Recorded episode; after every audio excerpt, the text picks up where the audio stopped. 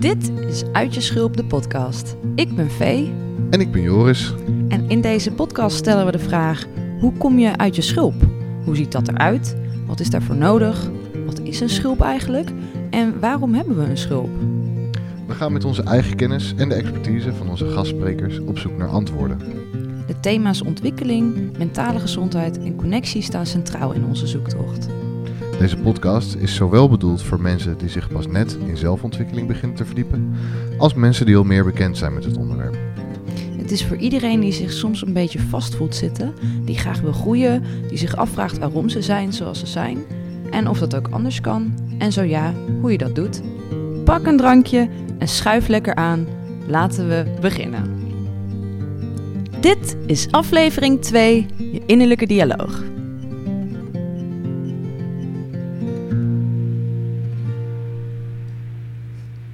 Welkom terug bij Uit je Schulp, de podcast met Vee en Joris. Ik ben Vee.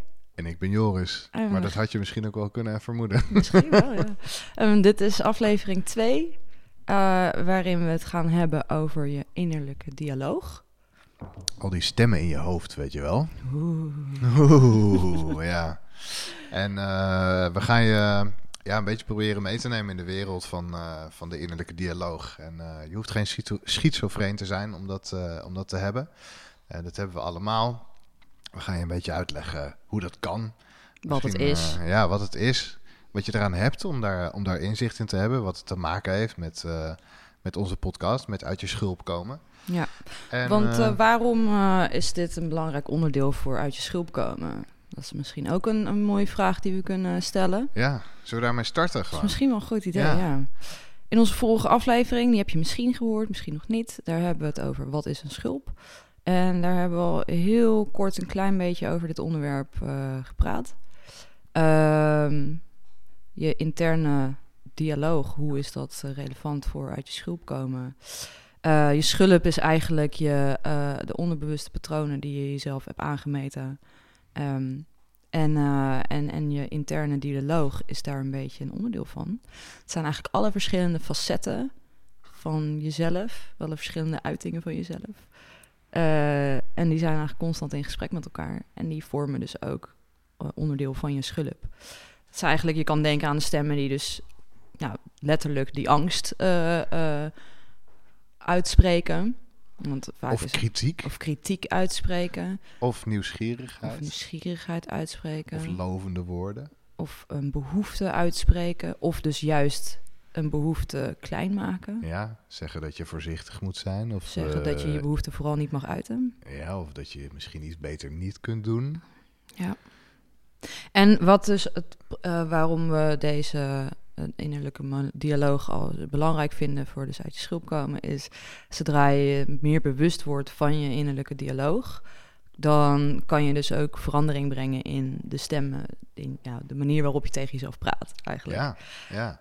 Dus dat hele, dat hele eh, orkest van binnen, dat kan je dan een beetje gaan stemmen. Ja. En eh, je kan dan meer bewuste keuzes gaan maken naar wie je wilt luisteren.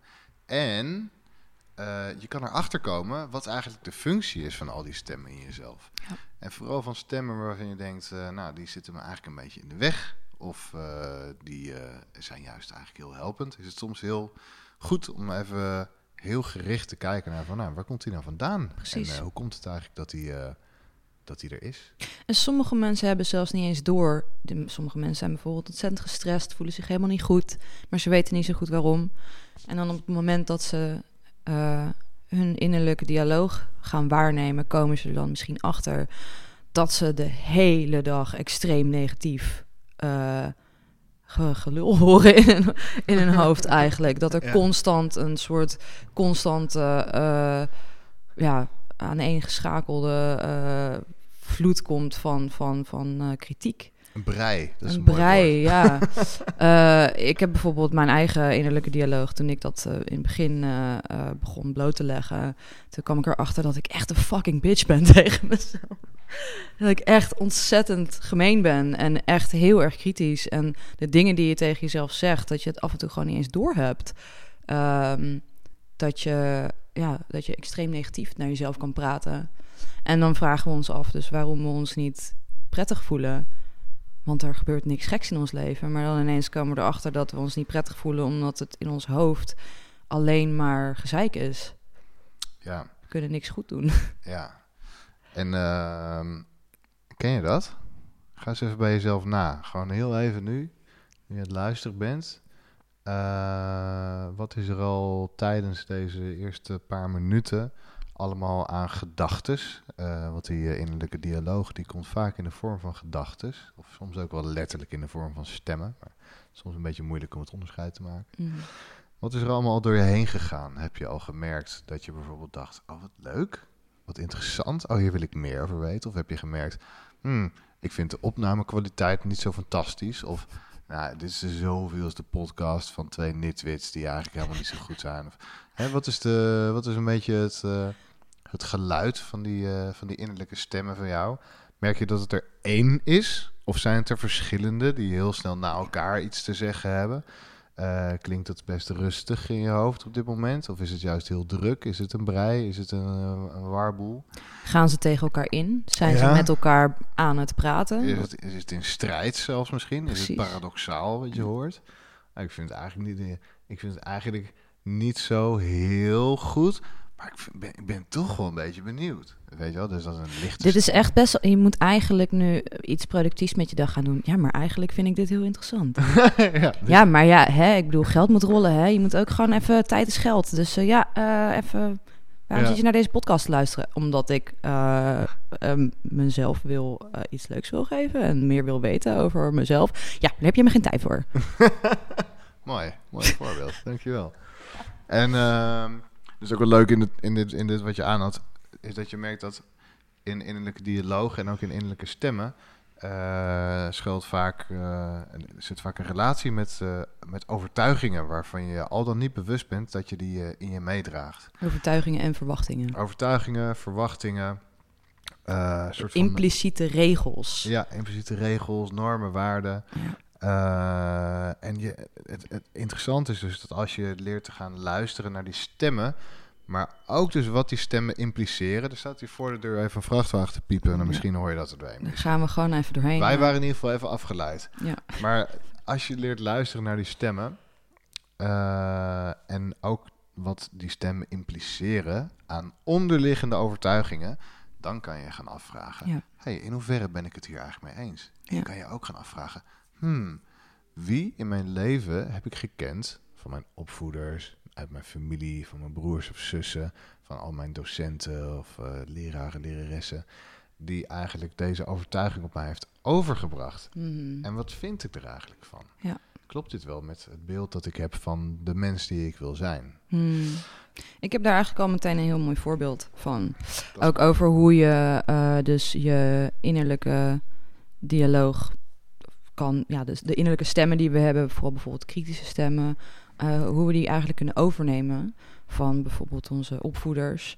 eh, zelfs als het niet bedoeld is. Ja. Je Ja. hebt namelijk bijvoorbeeld ouders die heel erg streng zijn voor hun kinderen. En die dus heel veel kritiek leveren ook op hun kinderen. Met dan wel een Ja. goede bedoeling erachter van... Hè, ik wil graag dat ze het goed doen. Ze moeten slagen. Precies. Je hebt ook ouders die dat dus bijvoorbeeld... die heel erg lief zijn en vriendelijk zijn naar hun kinderen... en die ze dus geen kritiek geven. Dus Ja. niet overmatig kritisch zijn. Ehm, maar in mijn geval bijvoorbeeld is het zo... dat mijn moeder eh, naar zichzelf toe heel kritisch was. Oh En ja. dat nam ik over. Ah, ja.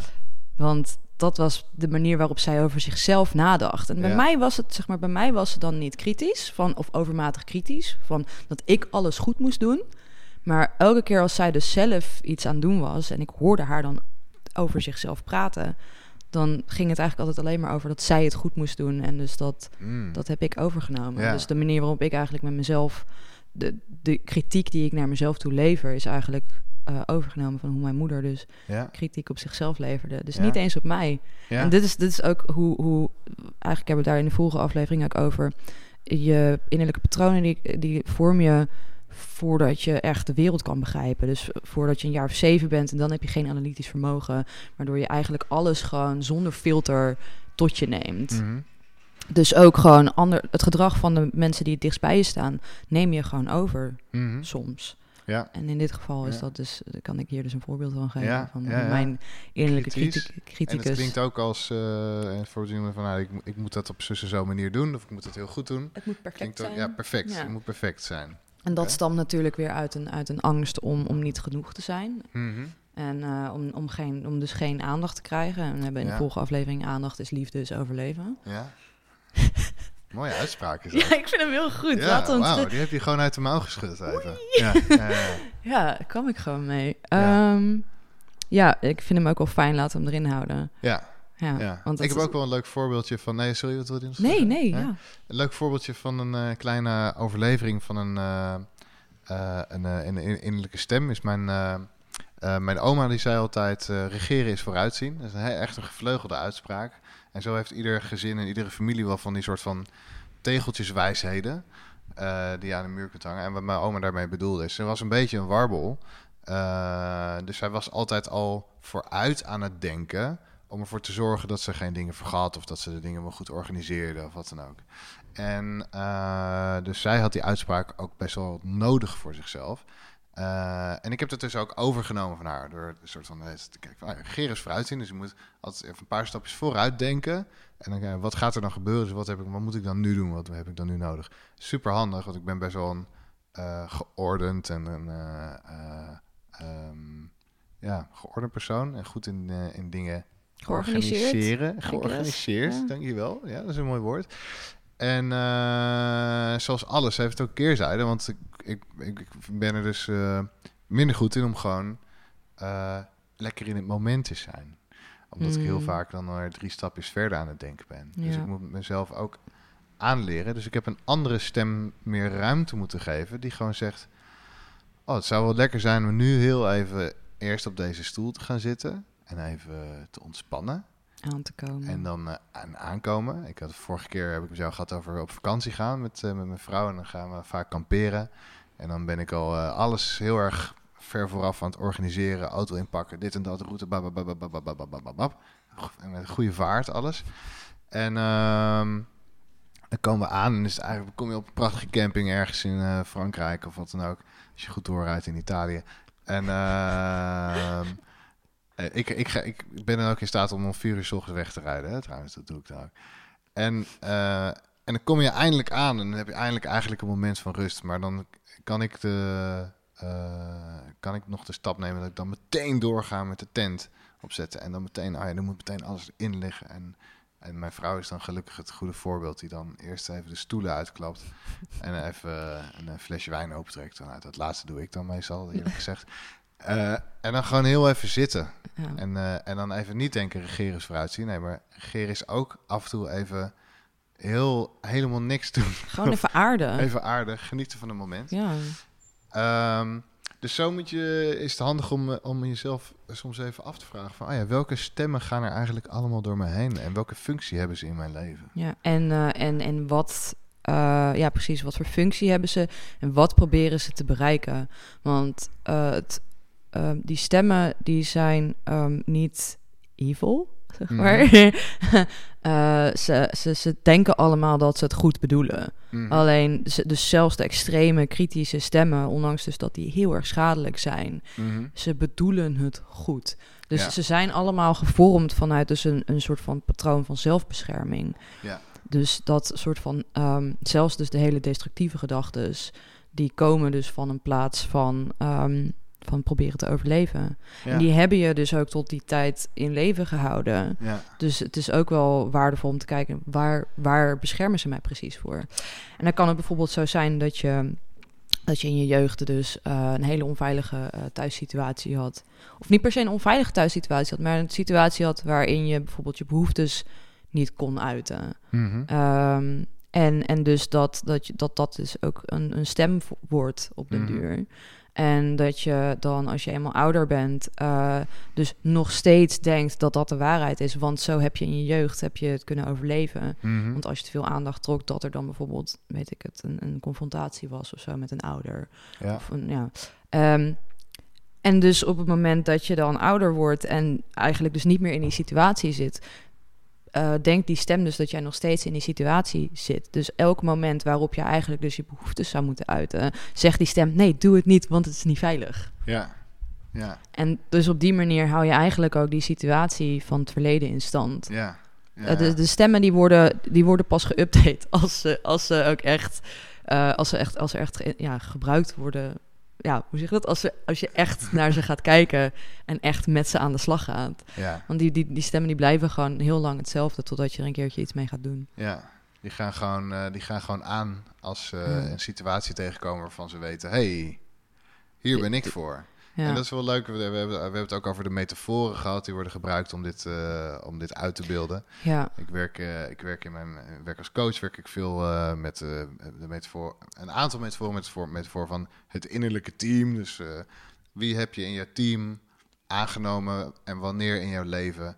En die, die, zijn allemaal, die zijn allemaal in permanente dienst. Dus die hebben Mhm. allemaal een vaste aanstelling. Die kan je niet zo makkelijk ontslaan. ja. Eh, je kan hoogstens zeggen, oh, jij, jij mag wat minder gaan werken. Je krijgt wat minder uren en de andere wordt, eh, wordt nu fulltime. Eh, dus zo kan je kijken. Je kan er ook kijken als, als een boot. En er staat één iemand aan het roer. Of feestlieveling is de, de bus met één, één iemand achter het stuur. ja. Iedereen komt mee, maar er zit één iemand achter het stuur. Ja, en die eh persoon achter het stuur die wisselt heel snel. Dus dat heb je net toen ik je vroeg van, ah ja, wie, wie zijn er al langsgekomen in jouw binnenwereld eh, in de eerste paar minuten hier naar luisteren. Dus je merkt dan, nou, soms wisselen die heel snel, die, eh, die rollen. En, ehm, En we hebben ook nog dan in, in sommige vormen van therapie eh, heb je dat daar gesproken, dat we dan spreken over ehm, een stem, een ouderlijke stem en een kinderlijke stem. Ja. En daar kan je dan ook nog weer in onderdelen. Dus dan heb je eh, bijvoorbeeld de, de troostende ouder, maar ook een kritische ouder of een straffende ouder. ja, Je hebt dan in de kinderstemmen, dus dan ook bijvoorbeeld dat je een blij kind hebt, maar ook een boos kind of een, een bang kind. ja, Eh, en je hebt het vaak dan over een aangepast kind en het eh, vrije kind. aangepast en vrij, ja. ja. En, de, en, de, en de, de, de, de derde uit die, uit die stroming, de transactionele analyse, is de, de, de volwassen rollen eigenlijk. Ja, mijne komt trouwens uit de schematherapie. Oh ja, Dus dat ik, ja, ik praat ja. dan over de schematherapie, waarin dus al die verschillende uitingen zijn dan, dit worden dan schema's genoemd, of mod- modus, of weet ik veel, ik weet het niet eens meer.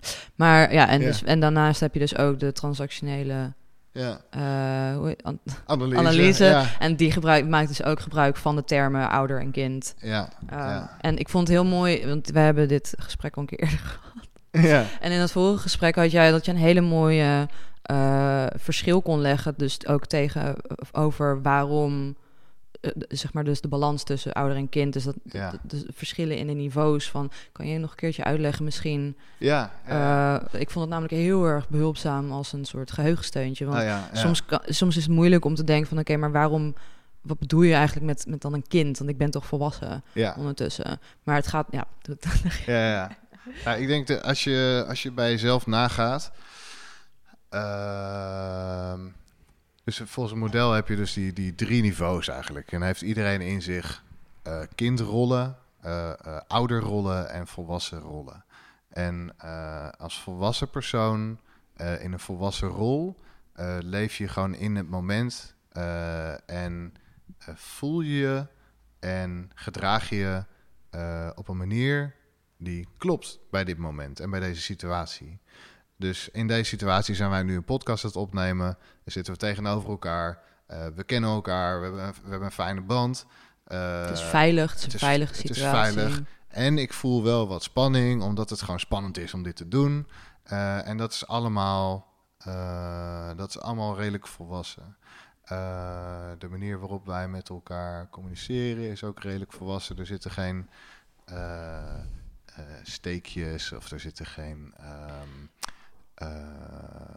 ik- ik- ik- Onzekerheden die ja, onzekerheden. Ik, uiten ik, op een ik laat niet voor me zorgen door jou. Jij laat niet voor je zorgen door mij. We zijn op een redelijk gelijkwaardige manier met elkaar bezig hierin. Ehm, in de eerste aflevering hebben we allebei persoonlijke voorbeelden genoemd. Van hè, hoe, eh, hoe, hoe komt dit? Hoe komt die schulp in ons leven? Nou, allebei wel ontroerende voorbeelden. Dan, dan, kan je, dan is de kans groot dat eh, degene die iets emotioneels inbrengt... in een kindrol schiet... En de ander in een, in een ouderrol. Dat hij gaat zorgen bijvoorbeeld voor, voor degene die iets. Als je dus gaat zorgen, dan kom je in een ongelijkwaardige relatie. Dan is de een is een ouder, die gaat dan bijvoorbeeld zorgen. Die gaat zeggen, ah, wat erg en wat zielig. En die zet zichzelf en die- boven de ander. Ja, zet zichzelf boven de ander. En de ander wordt dus een kind eigenlijk. Ja. Eh, dus je kan dan of dat accepteren en denken van... oh, dat is wel lekker dat er voor me gezorgd wordt. Of dan kan je, en ik doe ook nu letterlijk mijn schouders een beetje zo omhoog als een kindje. en, ik, en dat is wel lekker. Als je even voor je gezorgd Kleiner wordt. maken. Je maakt je een beetje kleiner. En je denkt van, oh, lekker. Geef me maar een aai voor de bol. En in En je relatie... geeft je verantwoordelijkheid ook een beetje weg. Ja, een beetje wel, ja. En eh, in je relatie heb je ongetwijfeld wel van die, mo- die momenten. Dat je gewoon even een aai voor je bol wil en een knuffel. En dat je je ook gewoon even heel klein voelt. Dat is natuurlijk heerlijk. En dat Ehm, mag ook. In en het mag. En, en het is goed om je ervan bewust te zijn wanneer dat gebeurt. En, en, eh, en in jezelf doe je dit dus ook. Dus je spreekt jezelf ook toe. Eh, je spreekt jezelf toe als ouder. En dat kan je ongetwijfeld opmerken in die stemmen. Dus als je jezelf eh, eh, ehm, beperkt of bekritiseert of bestraft, dan ben je een kritische ouder naar jezelf.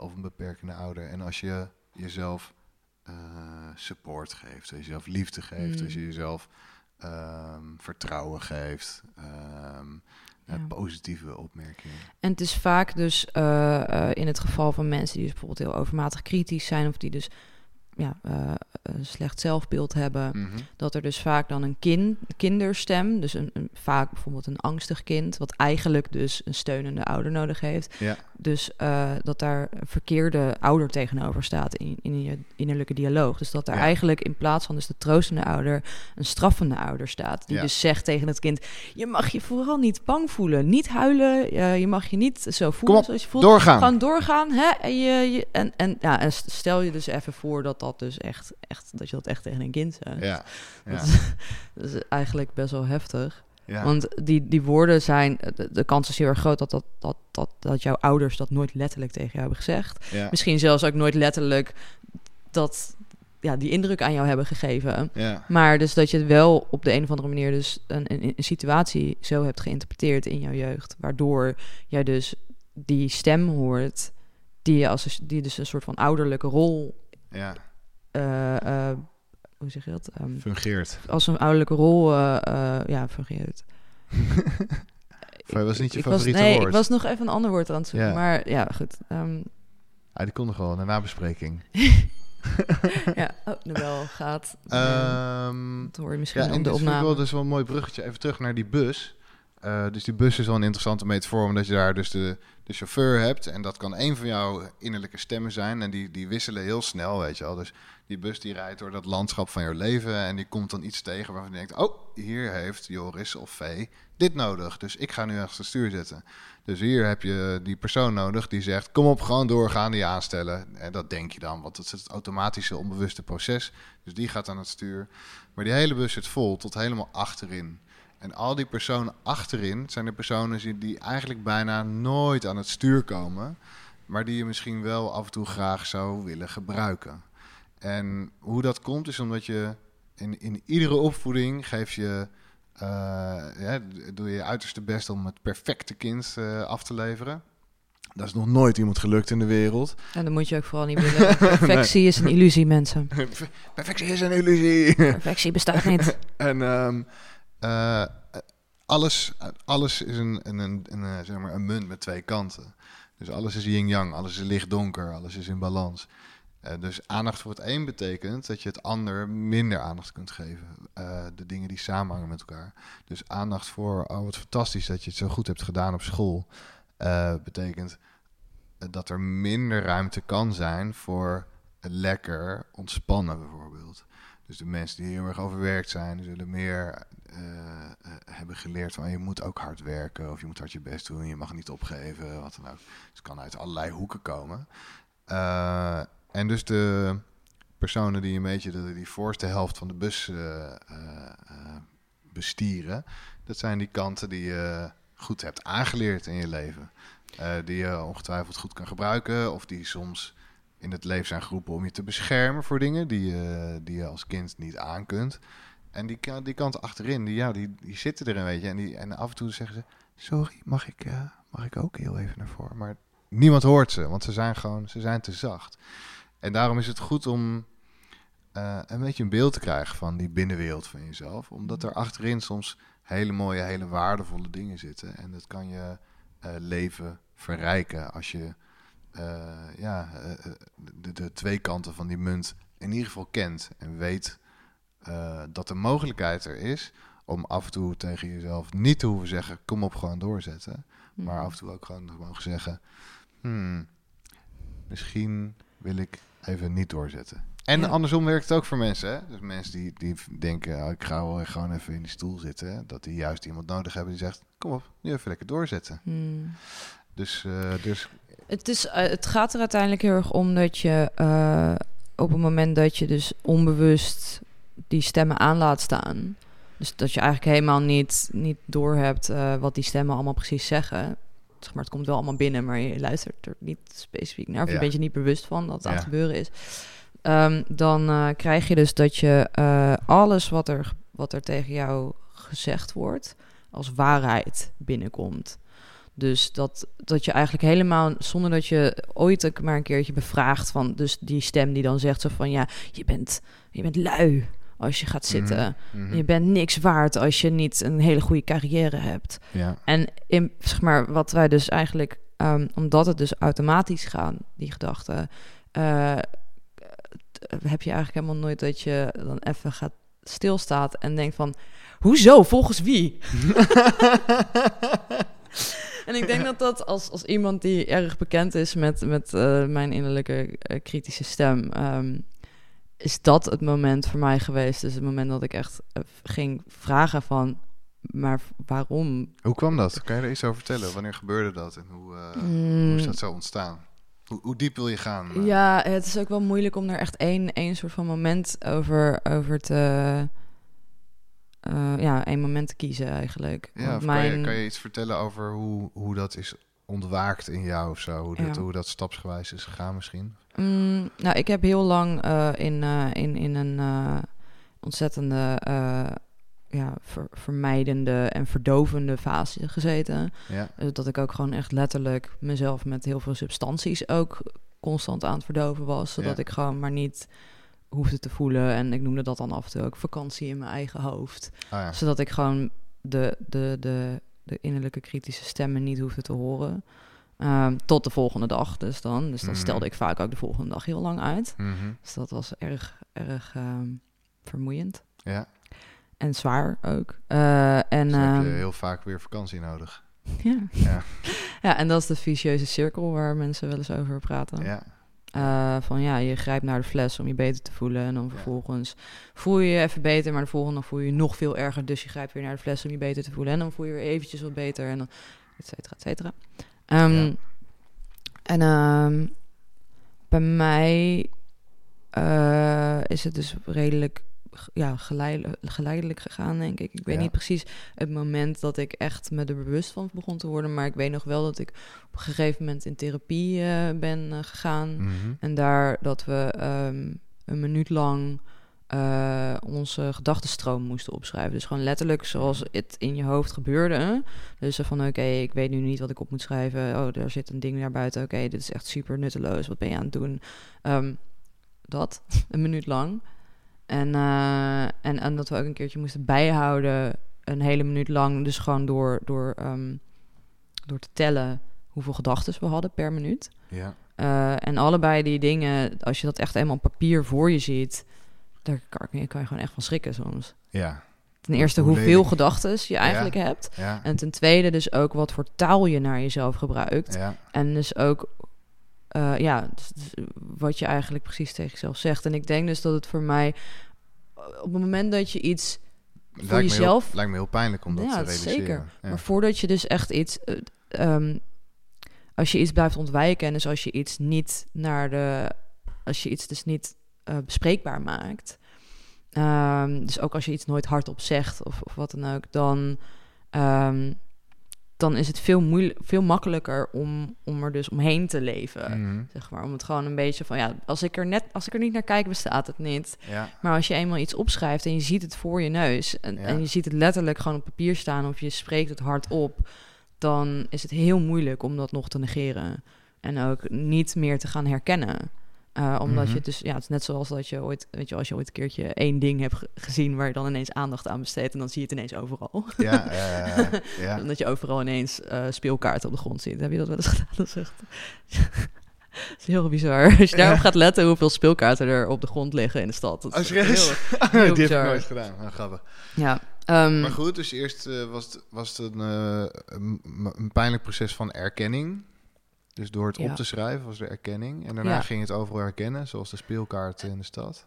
precies, dan kom je het ineens tegen. En dus het moment dat je eigenlijk ehm, je bewust wordt van dat je aan het denken bent, Ja, dat is eigenlijk het moment waarop je dus uit die gedachten stapt. ja, En, en dus dat is eigenlijk ook het moment waarop je je dus ook ehm, ja, di- dingen kan gaan afvragen. Omdat je dus niet meer, jij bent niet meer die gedachten. ja, We hebben een beetje een soort overtuiging vaak dat wij onze gedachten zijn, of dat wij onze gevoelens zijn. En dat Ja. we ook de dingen zijn die wij doen. ja. Dat is een beetje, zeg maar, daar halen we vaak onze identiteit een beetje aan, aan, aan op. En ehm, hoe, hoe, ja, eh, als je dus je gedachten gaat observeren, Mhm. Zonder daar dan iets over in te brengen, of gewoon Mhm. echt alleen maar kijken naar je gedachten, dan kom je er dus achter dat er iemand is die kijkt. Mhm. En die dus die gedachten observeert. En dat jij dus dan ook ervoor kan kiezen of je wel of niet met een gedachte mee gaat doen. Mhm. En dat was eigenlijk voor mij een moment wat heel erg bijzonder was. Dus het moment dat ik erachter kwam dat ik niet mee hoefde te doen met een gedachte. Ja, En dat ik dus ook mocht zeggen van dit is een gedachte. Dat betekent niet dat het, dat het echt is.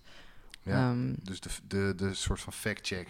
ja, Zo van klopt realiteitscheck. Gewoon Ja. even waar, wat, wat is er nu aan de hand? Wat is er nu echt aan het gebeuren? Ja, Ehm, de- ja, je kan je bijvoorbeeld zeggen van... oh, iedereen kijkt naar je, iedereen vindt je raar. En dan in Mhm. het echt is dat helemaal niet zo. Mhm. Of dan kijkt bijvoorbeeld juist iedereen naar je... omdat ze je heel erg mooi vinden of leuk Mhm. vinden. En Ja. ja. dat zijn dan van die dingen waar je...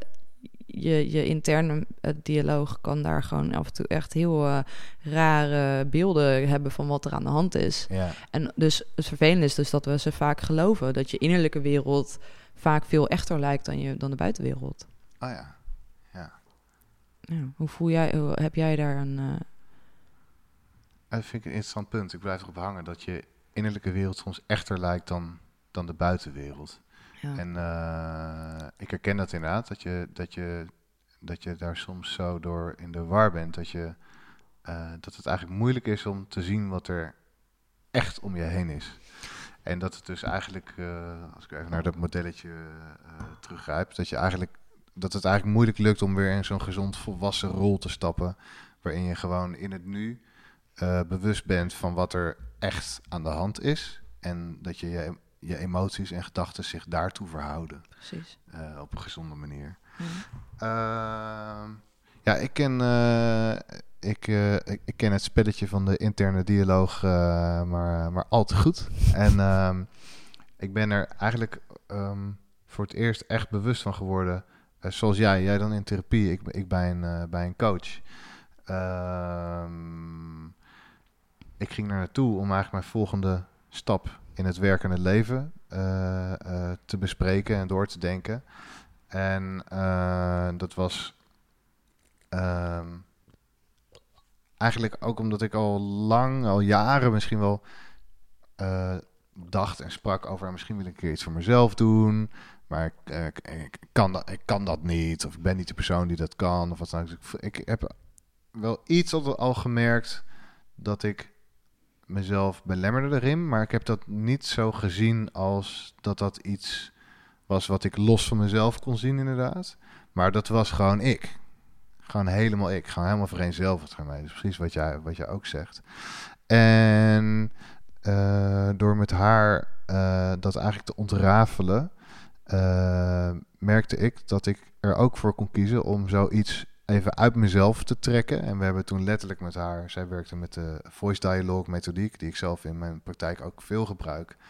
Eh, mede omdat ik dus zo sterk heb ervaren hoe, eh, hoe, hoe fantastisch dat kan werken. En we konden dus een stuk uit mijzelf trekken en dat op een andere stoel zetten. En dan kon ik even op die stoel, kon ik even alleen maar vanuit die rol, vanuit die ene specifieke kant van mezelf praten. En dat was een kant die eh, noemden we de, de bagatelliseerder. En die was eh, alles wat eh, goed was gaan waarvan ik kon zeggen, nou, dat was succesvol verlopen, ben ik blij mee, kan ik zelfs trots op zijn. Ging die bagatelliseren door de, de hele context erbij te betrekken. Dus zeggen, oh ja, maar dat is alleen maar gelukt omdat die en die personen erbij waren betrokken. Of omdat het, ja, het was nou eenmaal een project dat, dat dat kon alleen maar slagen. Er zaten zulke goede ontwerpers op. En de opdrachtgever werkte goed mee. Er was ruim budget, wat dan ook, weet je wel. Nou, ik weet niet of dat de context erbij... Ik denk dat dat jou uit de context halen is. Ja, klopt. Ah, ja, mooi gezegd. Ja, het, ik haalde eigenlijk naar mezelf uit de context. En ik, ik ging alles belichten in de context. Waardoor het eigenlijk onvermijdelijk was dat het uh, ook zonder mij een, uh, een, een, succesvol project was geworden. Of wat dan ook. En dat, dat zorgt ervoor dat ik dus niet uh, kijk, op succes bouw je zelfvertrouwen. En, en, en daardoor durf je weer iets meer risico te nemen. Of durf je weer iets nieuws aan te gaan. En dan bouw je weer iets meer zelf. Dus zo, maak je, zo ga je, dan loop je dat trappetje op. Waardoor je uh, op een gegeven moment ergens bent in je carrière. En dat je denkt van wow, ik had echt tien jaar geleden zo nooit gedacht dat ik hier zou kunnen komen. Maar ik heb dat gewoon stapje voor stapje toch kunnen doen, blijkbaar. En, en die bagatelliseerde die zorgt dus voor dat dat trapje gewoon meer een soort van... Uh, en gewoon een vlakte was. Dus ik liep gewoon rechtdoor en ik kwam niet echt veel hoger in mijn, uh, in mijn beleving of in mijn zelfwaardering. En um, je zag jezelf niet veranderen. Ik zag mezelf niet veranderen. En die ene kant in mij, die hebben we toen een gestalt gegeven. En het kwam puur uit mijn verbeeldingsvermogen, maar ook blijkbaar uit oud, oud oude archaïsche beelden die ik in me had opgeslagen. Misschien had het ook al met mijn vader te maken. In ieder geval zat er een oude man uh, die nooit risico had genomen in zijn leven, mm. omdat hij veilig wilde blijven. Omdat hij bang was voor het mogelijk falen, uh, wat gepaard gaat met risico nemen, met spannende dingen doen. En, en ook dat, dat is het leven ook. Ja. Het leven is, is risico nemen. Ja, ja. En ik, ik was er zo wars van. Uh, en, en die, het moment dat ik dat dat ik het opmerkte, was zo'n bevrijdende realisatie dat ik in één keer besefte: dit, dit beeld is mij klein aan het houden. En dat is helemaal niet een beeld waar ik naar wil leven. Mm. Want dan eindig ik precies wat dit beeld is. En ik zie een heel ander einde voor mezelf. Ja. Uh, en ik hoef, niet eens, ik hoef zelfs niet eens een einde te zien, maar ik zie in ieder geval dat ik heel veel meer in mijn mars heb. Je zag een alternatief. Ja, ik zag een alternatief en ik zag ik voelde ook de behoefte. Hè? Ik voelde de behoefte en ik voelde de onvervulde behoefte vooral om mezelf echt te laten zien. Hmm. En uh, dus dat maakte dat ik het aan heb gedurfd om te zeggen: ik ga gewoon voor mezelf beginnen. En ik ga doen wat ik echt interessant vind. Dat werken bij, project, bij uh, ontwerpbureaus vond ik hartstikke fantastisch om te doen. Maar vooral het werken met de mensen daar. En al die projecten, ja, uiteindelijk worden ze op een gegeven moment een beetje, werden ze voor mij in ieder geval een beetje inwisselbaar. Dus ik vond het veel leuker om te kijken naar hoe kan die organisatie nou optimaal verlopen? Hoe kan, hoe kan dat team nou zo goed mogelijk samenwerken? Hoe kunnen, hoe kunnen de mensen hier nou uh, blij zijn, weet je wel? En um, ja, daarom ben ik, ben ik mezelf gaan opleiden als, uh, als coach. Om, om daar met mensen echt over te hebben en om ze daarin te supporten. Mooi. En dat betekent echt niet dat die stem er niet meer is. Want ik, hij komt nog heel vaak terug. En dat is heel lastig. Er rent een kind boven. Ja, ja. ja ik denk niet dat hij te horen is voor de nee, maar het is voor, voor ons wel een, beetje stor. mooi stukje sfeer. ja. Um, dus het is niet zo dat het is erkennen, herkennen, uh, verbinden aan levensthema's is het ook. Hè? Dat is dus de belangrijkste stap van wat is nou het levensthema waar dit te maken mee heeft. En um, uh, het, het blijft gewoon werk. Maar in ieder geval heb je me een keer echt in de ogen gezien. En, en weet ik nu, uh, als ik die stem hoor, dit is die stem. Ja. Ik weet waarom die er is. Ik, ik ken zijn goede intenties. Ik weet dat hij mij probeert te beschermen van falen. Ja. Ik weet dat hij bang is. En uh, dat is oké. Okay.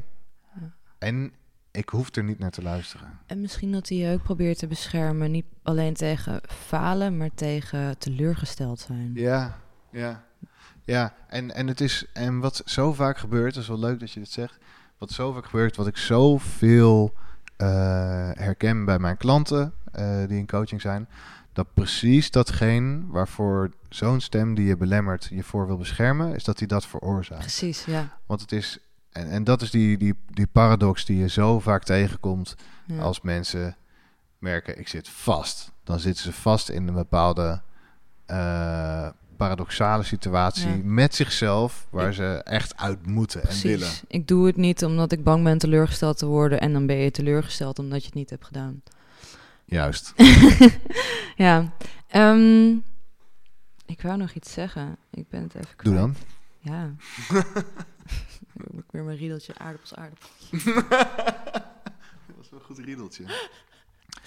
Ehm, Ehm, ik, heb, ik heb ook nog wat te zeggen hoor. ja. Ja. Eh, er wel want wat, wat, je eigenlijk, wat je eigenlijk doet met het, het in beeld brengen van je innerlijke dialoog. En ik pak er nu even één stem uit. maar dat is één stem die onderdeel is van een heel gezelschap die samenwerken. Eh, en dus die, eh, die bagatelliserende stem die werkt samen met een, een kritische stem. Dus er zijn altijd samenwerkingsverbandjes. En, en, en sommige samenwerkende verbandjes die, die zorgen ervoor dat je de ene kant op gaat, sommige de andere kant. Eh, dus het is, het, het is zaak dat je het, in, dat je het hele gezelschap een beetje in kaart Mm. En daarmee... Dat daarom- iedereen aan het woord mag komen. dat iedereen het woord moet komen, maar daarom gebruik ik ook vaak de, de metafoor van een, het theatergezelschap. Hmm. Eh, want daar heb je al die karakters die het toneel op kunnen komen. Eh, maar je hebt ook de regisseur. En die uiteindelijk bepaalt eh, wanneer dat gebeurt. En met welke intonatie iemand spreekt. Hoeveel tijd hij krijgt. eh. Met welke reden in het toneelstuk. In het toneelstuk wil je een bepaald verhaal vertellen. Eh, behandel je bepaalde thematieken, net zoals in het leven.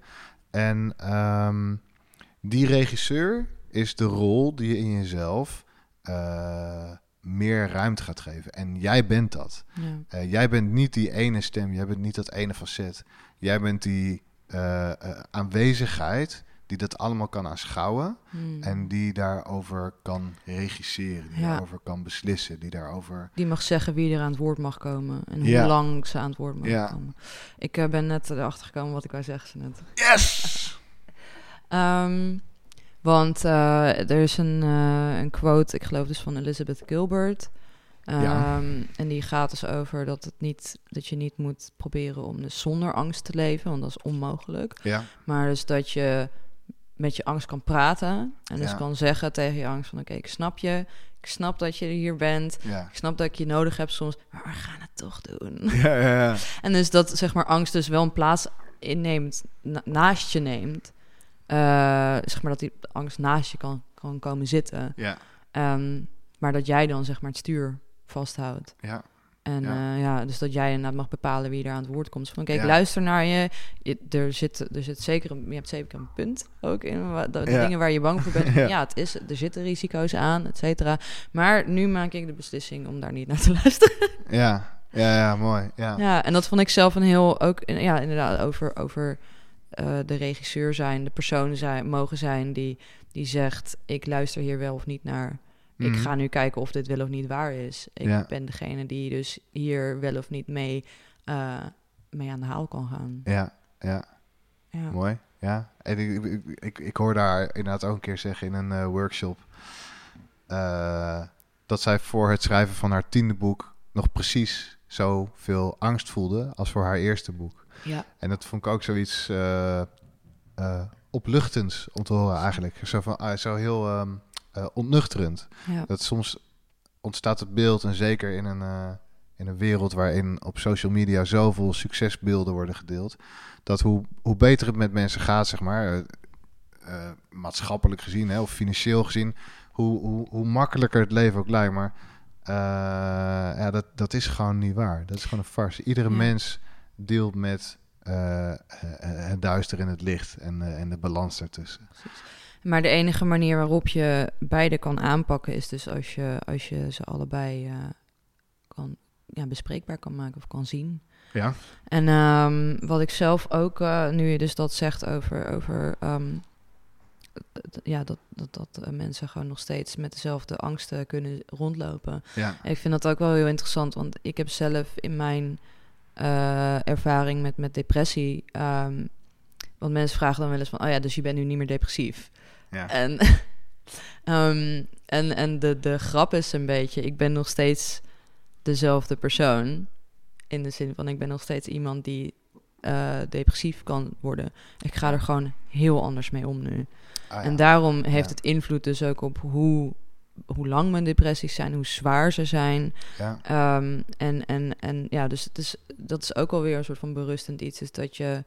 eh, ja, er was op een gegeven moment zelfs een punt dat ik niet meer, me niet meer depressief voelde. Mhm. En, dat, en wat voor mij echt een soort bizar moment was. Want mijn hele identiteit hing daarvan af. Oh ja, Van, van dat, Ja. ik, dat ik, ik was depressief.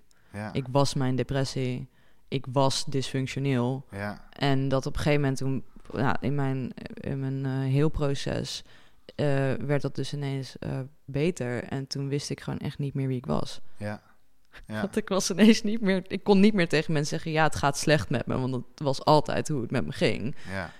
En wat heb, je, wat heb je geleerd over wie je dan, wie je dan wel bent? Ja, ja dat is dus de, eh, dat moment, dus dat je dat, terug, dat stapje terugneemt en dus kijkt van, nou ja, wie, wie voelt die dingen? Ah ja, ja, Dus niet wat is het gevoel dat dat de identiteit is, maar Ja. dus wie, wie is de voeler, wie is de regisseur? ja. Dus je zegt- hebt geleerd dat je een, een, een mens bent daarnaast. Ja, Ja. ja. Dus een- dat er, dat er een... Dat er een, Daarnaast een- misschien het goede woord, hè? nee, maar dat er een soort keuze bestaat in wie jij bent. Ja, ja, Of ja, waar je je identiteit van af laat hangen. En wat je dus ook meeneemt in je identiteit. ja, Dat Ik- was denk ik wel heel erg bevrijdend voor mij. ja, om te weten. En tegelijkertijd dus heel erg eng, omdat het voor mij on- onbekend terrein was. Ja, Van oké, maar als ik dus dat, als dat mijn identiteit niet meer is, wat ben ik dan? En ik weet nog dat ik een periode heb gehad, dus dat het eigenlijk beter met me begon te gaan. ja. Omdat ik dat zo ongemakkelijk vond, dus dat ik ja, onbewust, dus automatisch gewoon weer dingen ging doen, zodat ik me weer slecht ging voelen. ja, ja, ja, En dat is dus de, de kracht ook van, van, van die kernovertuigingen. ja, die gaan altijd zoeken naar een manier om, eh, ja, om, om het bekende verhaal aan zichzelf te kunnen vertellen. ja, ja. Ik hoorde Gabor Maté, die eh, trauma-specialist, een eh, bekende eh, psycholoog, ehm, psychotherapeut, denk ik. En hij zei over depressie dat hij, ja, sommige cliënten ontkom je niet aan om die ook medicatie te geven, maar over het algemeen probeert hij mensen die te kampen hebben met depressie te laten inzien wat hun betekenis is. Of wat de betekenis is van die periode in hun leven. Of in ieder geval op een diepere laag eh, eh, echt naar zichzelf te kijken. En eigenlijk is dat iets wat ik denk ik jou nu een beetje hoor zeggen. Ja, ja ik- het is ook een, eh, een, een van mijn favoriete dingen om te zeggen. Ik weet dus niet van wie dit is, maar dat, dat depressie is de overtuiging dat je niet kan veranderen. Oh ja. En, eh, en er was er nog eentje, een hele mooie quote, alleen ik weet dus niet meer van wie die precies is. Maar ik heb hem gelezen in het boek van Bessel van der Kolk. Ja. over trauma. Ehm, en eh, eh, dat is the things that hurt us the most are the lies we tell ourselves. Ja. En dat is eigenlijk ook een beetje, ja, zeg maar, waar je pijn vandaan komt. Zijn dus Ja. inderdaad de dingen die je jezelf wij- wijs maakt. Ja. En, en dus ook jezelf wijsmaken dat je altijd hetzelfde gaat zijn. Ja. Ja. De leugens die je vertelt over jezelf. Ja, Ja. En, en ook over de buitenwereld. Ja. ja precies. Ja, de, de, de leugens die we onszelf vertellen. Ja. Ja. Punt. Ja. Mooi. Oké. Even denken, even kijken of ik nog de draad heb van waar we waren in onze relaas. Volgens mij wel een beetje. Eh, wat, ik nog, wat ik nog wel wilde toevoegen is dat stel dat het je lukt om een paar van die stemmen in jezelf te herkennen. Ehm, nee, ik wil eerst naar een ander stuk. Ehm, wat er vaak aan de hand is, is dat de stemmen die jou, die een belemmering vormen voor jou, ook een bescherming voor je zijn. Omdat ze eh, iets beschermen, eh, waar we het eigenlijk in de eerste aflevering ook over hebben gehad, eh, wat jou ooit pijn heeft gedaan, of wat je ooit verdriet heeft gedaan. Dus een, in mijn geval een hele eh, eh, sterke en stoere kant, en eh, onafhankelijke kant hebben me het grootste gedeelte van mijn leven beschermd voor de pijn die het verlies van mijn moeder heeft gedaan. Mhm. En voor de eigenlijk voortdurende pijn, voor de, ja, het onvermogen om eh, onvoorwaardelijke open verbinding aan te gaan met mensen. Dus het is heel makkelijk om dan eh, kritiek te leveren op andere mensen en om harde voorwaarden te stellen voor eh, in contact te treden met mij. Ehm, en het moment van dat inzien en loslaten betekent het onder ogen komen van eh, de pijn en het verdriet van het eigenlijk van de eenzaamheid en Hmm. van Van de eh, behoefte. ja van de behoefte van de onvervulde behoefte van eh, heel dicht bij mensen zijn en van Ja. hoe eng dat voelt.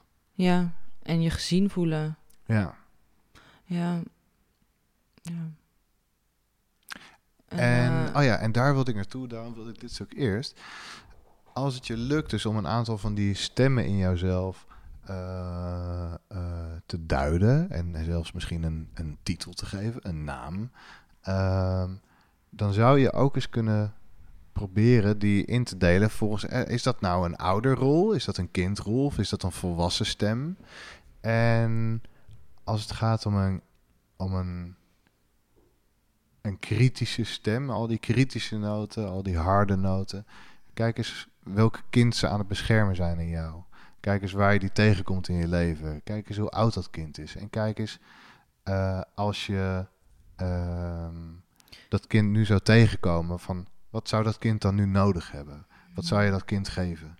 En, ehm, En kijk ook naar het moment waarop dus zo'n... Als het inderdaad echt een, uit een bepaalde situatie is geboren... ja, dan ga na wat die situatie precies was... zodat je namelijk ook dat kan meten aan de situaties in je normale leven. ja, Dat je gewoon Ja. even met jezelf kan checken van... oké, dit voelt als, alsof het dus weer die situatie is, maar het is het niet. ja.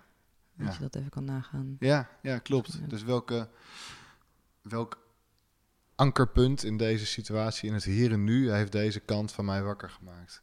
En dat kan een ankerpunt zijn gewoon in een, in een, in een situatie met een, bepaalde, met een bepaald gevoel. eh, of in een bepaalde groepsgrootte of wat dan ook. Eh, en soms is dat heel specifiek in een oogopslag van iemand of de, de, de, het geluid van iemands stem. Eh, Soms zelfs een locatie. ja, ja, kan ook. Ja. Dus wat maakt het wakker? Ja, ga dat inderdaad na. Wat zijn de, de punten waar, eh, waar je door eh, geactiveerd wordt? Ja. En we zijn, eh, we zijn zo stiekem aan zijn we vanzelf overgegaan in praktische tips, hè? Zo'n Ja. beetje. We, zitten, we zijn zo'n eh, 52 minuten bezig. Wat doen we dat toch elke keer Wat, goed, zeg? Hebben we inhoudelijk nog iets voordat we, voordat we dat doen? Ik denk het wel, maar ik ben nu aan het vergeten. Dan was het blijkbaar niet belangrijk genoeg. Blijkbaar. Ehm ik kom er vast wel op en anders... We, we Ja. vullen ook gewoon de dingen aan. Stel, we vergeten echt iets heel cruciaals of zo... dan vullen we dat gewoon aan ook op onze Instagram-pagina... ja, pagina Uit je schulp de podcast... eh, waar, we, waar we ook eh, hopelijk een eh, fijn gesprek kunnen openen... over deze onderwerpen. ja. Dus stel, ik kom er niet op voordat we stoppen met de opnames... dan eh, zal ik het ongetwijfeld daar wel aanvullen. goed idee. Hey, we hebben nog even een reclameblok voordat we echt naar de praktische tips gaan. Ja. Maar blijf hangen. De praktische tips zijn eigenlijk waar je deze hele podcast voor luistert natuurlijk. Hè? Want dat is Mm, echt het beste. Ja. Maar eerst de reclame. Deze week. Reclame voor zelfliefde. Compassie. Oh, wauw. Nou, stel je voor, eh, je loopt op straat en je denkt, "Hmm, ik voel me niet zo. eh." Nou, wat zou je nou eigenlijk jezelf willen geven? Eh, iets lekkers, een knuffel, lieve woorden, eh, een heel klein cadeautje. Misschien wil je wel een bosje bloemen voor jezelf kopen. Kan je gewoon doen. Of misschien wil je iemand bellen en zeggen: hey, weet je wat? Ik hou van je. En misschien zegt die persoon het dan wel terug. Dat is ook hartstikke mooi, hè? Of je kan eh, even bij de buren aanbellen of eh, bij iemand die je kent en die een knuffel geven. Want als je iemand een knuffel geeft, krijg je ook altijd een knuffel terug gratis. Ja, dat is heel mooi. Dus, Ja, dat eh, was de reclame. dat was de reclame. Ik ben ondertussen, ik, heb, ik heb het toch eh, het is Jij tot hebt me het? gekomen. Ja, Eh, er was nog één ding wat ik graag wou toevoegen. En dat is dus dat we... ehm, ja, het is natuurlijk ook moeilijk om voor andere mensen te zien wat hun innerlijke dialoog is. Eh, je weet nooit wat iemand anders precies allemaal tegen zichzelf zegt. Mhm. Uh, maar één manier om daar dus ook achter te komen... en ook bijvoorbeeld bij hoe jij met jezelf hoe je met jezelf omgaat, is ehm, hoe andere mensen bijvoorbeeld kritiek leveren. Ja. eh, over, over dingen. Bijvoorbeeld dat iemand zegt van... nou, ik vind echt niet kunnen dat hij zoveel aandacht vraagt, hoor. Oh ja. Ehm, of Ja. ja. heb je gezien wat zij aan heeft? Zo, nou, die zit echt... eh, nou, dat is echt eh, wat een, wat een weet ik veel, aandachtsvrager. En nu Ja. gaat het dan heel erg over aandacht. Maar je kan dus ook op heel veel andere dingen betrekken. Ja. Mensen hebben vaak dat ze ehm, andere mensen kwalijk nemen... als zij iets doen wat ze eigenlijk zelf willen. Ja. Of waar ze eigenlijk zelf behoefte aan hebben. Ja. En dat is dus een manier die je ook kan opmerken. Bijvoorbeeld stel je, ja, mensen die, die, die roddelen bijvoorbeeld wel eens. Stel je betrapt jezelf dus op dat je aan het roddelen bent. Waar je precies over aan praten bent, is waarschijnlijk iets wat je dus bij jezelf Ah ja, leuk. moeilijk vindt of Ja. niet de behoefte aangeeft. Of ja, dus ga, ga ook na en kijk ook naar bijvoorbeeld naar hoe andere mensen praten. Want vaak kan je daar dus ook uit zien waar hun angsten liggen. En dan kan je dus bijvoorbeeld ook proberen om ze daar een beetje mee te helpen. Ja. Bijvoorbeeld dat iemand eh, nou, heel erg eh, eh, gevoelig is over dingen die over, over het lichaam gaan. Eh, Mhm. ik heb een keertje ook een heel gesprek met iemand gehad die eigenlijk de hele tijd ehm, ja, iemand anders over iemand anders zijn lichaam aan het praten was, want die was dik volgens hem. Ja. En, eh, en, en hij was zelf best wel tenger. Ja. En, eh, en dus, maar het ging de hele tijd daarover. Dus Ah, ik ja. heb op een gegeven moment ook een soort van aan hem gevraagd van wat hij van zijn eigen lichaam vond. En dus dat hij eigenlijk heel erg, ehm, ja, dat hij heel erg met zijn lichaam bezig was. Oh ja. En dus eigenlijk dus dat dat dik, zeg maar, dat hij de hele tijd over iemand anders dik noemen, Ja. dat hij zichzelf dan beter voelde over zijn eigen Ja. lichaam. Ja. Ja, het is mooi. Dit heet, dit heet projectie. Ja, dit En, heet inderdaad in ehm, Freudian terms, En toch? ehm, geloof ik. ah, ik weet niet of dat van Freud is. Ik geloof het. Ik- dat zou, dat wel. zou zeker kunnen. Maar in elk geval, En het het heet is- in de psychologie, in de, ja, in Ja, de psychologie heet dat projectie. genoemd. En dat zijn dus inderdaad, stel je, die, stel je jouw bus voor en al die mensen die achterin zitten, die, eh, die, die in jouw leven eigenlijk vrijwel nooit echt aan bod mogen komen. Dat ga je andere mensen vaak een beetje kwalijk nemen als ze dat doen. Ja. En, en, ehm, Omdat je het jezelf niet toestaat. Ja, je staat jezelf niet toe. En eh, heel mooi zegt. En zeker in teamverband is het zo waardevol om het gesprek te voeren erover. Ja. Juist met die collega waarvan je merkt van... Oh, ik vind dat zo irritant dat die persoon dat doet. Ja, Eh, ga daarover in gesprek. ja. En vraag eens even, hey, hoe, hoe komt dat? Hoe komt het dat jij dat zo anders doet dan ik? Want meestal is het iets wat die persoon heel anders doet dan jij dat doet. En dan kan je van elkaar gaan leren. En ik heb een voorbeeldje met, met, eh, met mijn vrouw. Ehm, die eh, is op vele manieren heel anders dan ik. Ehm, maar ik ben vaak best wel een soort van zo besluitvaardig. En ik vind het een snel beslissing. En, en er komen op haar, eh, in haar werk allerlei dingen op haar af. En voor mijn gevoel laat ze soms dingen een beetje op hun beloop. En dan neemt ze geen beslissing. En, en ik vind dat heel irritant. Zeg. Ja, maar je moet toch, je moet toch een stelling nemen. Je moet je toch ergens zo. En ehm, ik ben steeds meer gaan leren door te, te praten en te luisteren naar haar. Van hey, hoe. Wat is nou eigenlijk de betekenis ervan voor haar? Hoe, hoe, hoe werkt dat uit voor haar? En ook door gewoon te zien, wat is het gevolg ervan? Eh, ben ik steeds meer gaan beseffen, oh ja, dit is ook gewoon een manier om in het leven te staan. ja. Eh, En het helpt ook bijvoorbeeld heel erg met, met dus ook vooral in teamverband.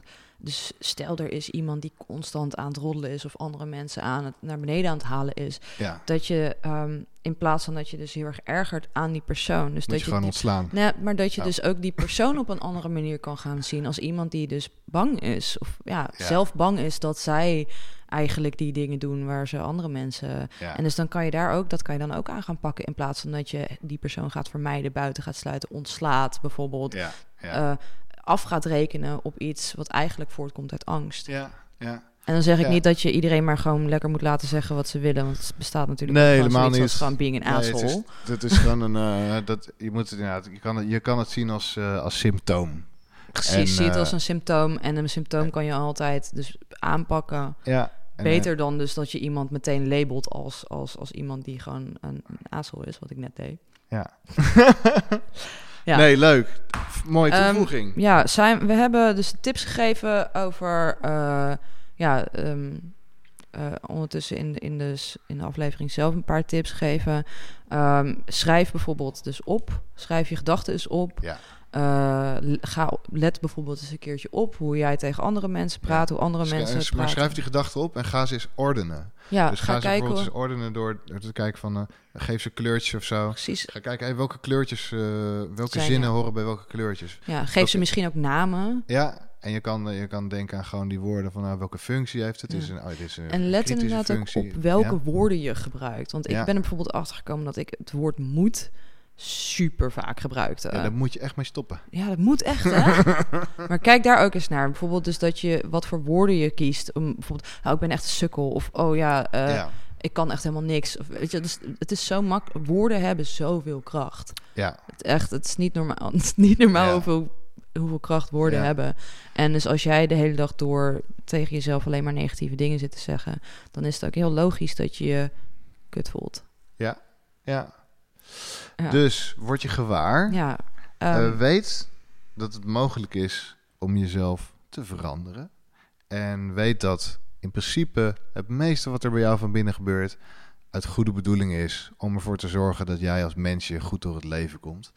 En, stel eh, vragen. Stel vragen aan jezelf, reflecteer en wees vooral ontzettend lief voor jezelf. Ja, En heb geduld en compassie met jezelf. Ja. Compassie is deze week gratis. Mm, Dus eh, ja, twee voor één zelfs. twee, voor, ah, ja, twee voor één En gratis. eh, ja, en, en inderdaad, wees lief voor jezelf en ook eh, wees geduldig in de zin van dat je, ja, het is een heel lang proces.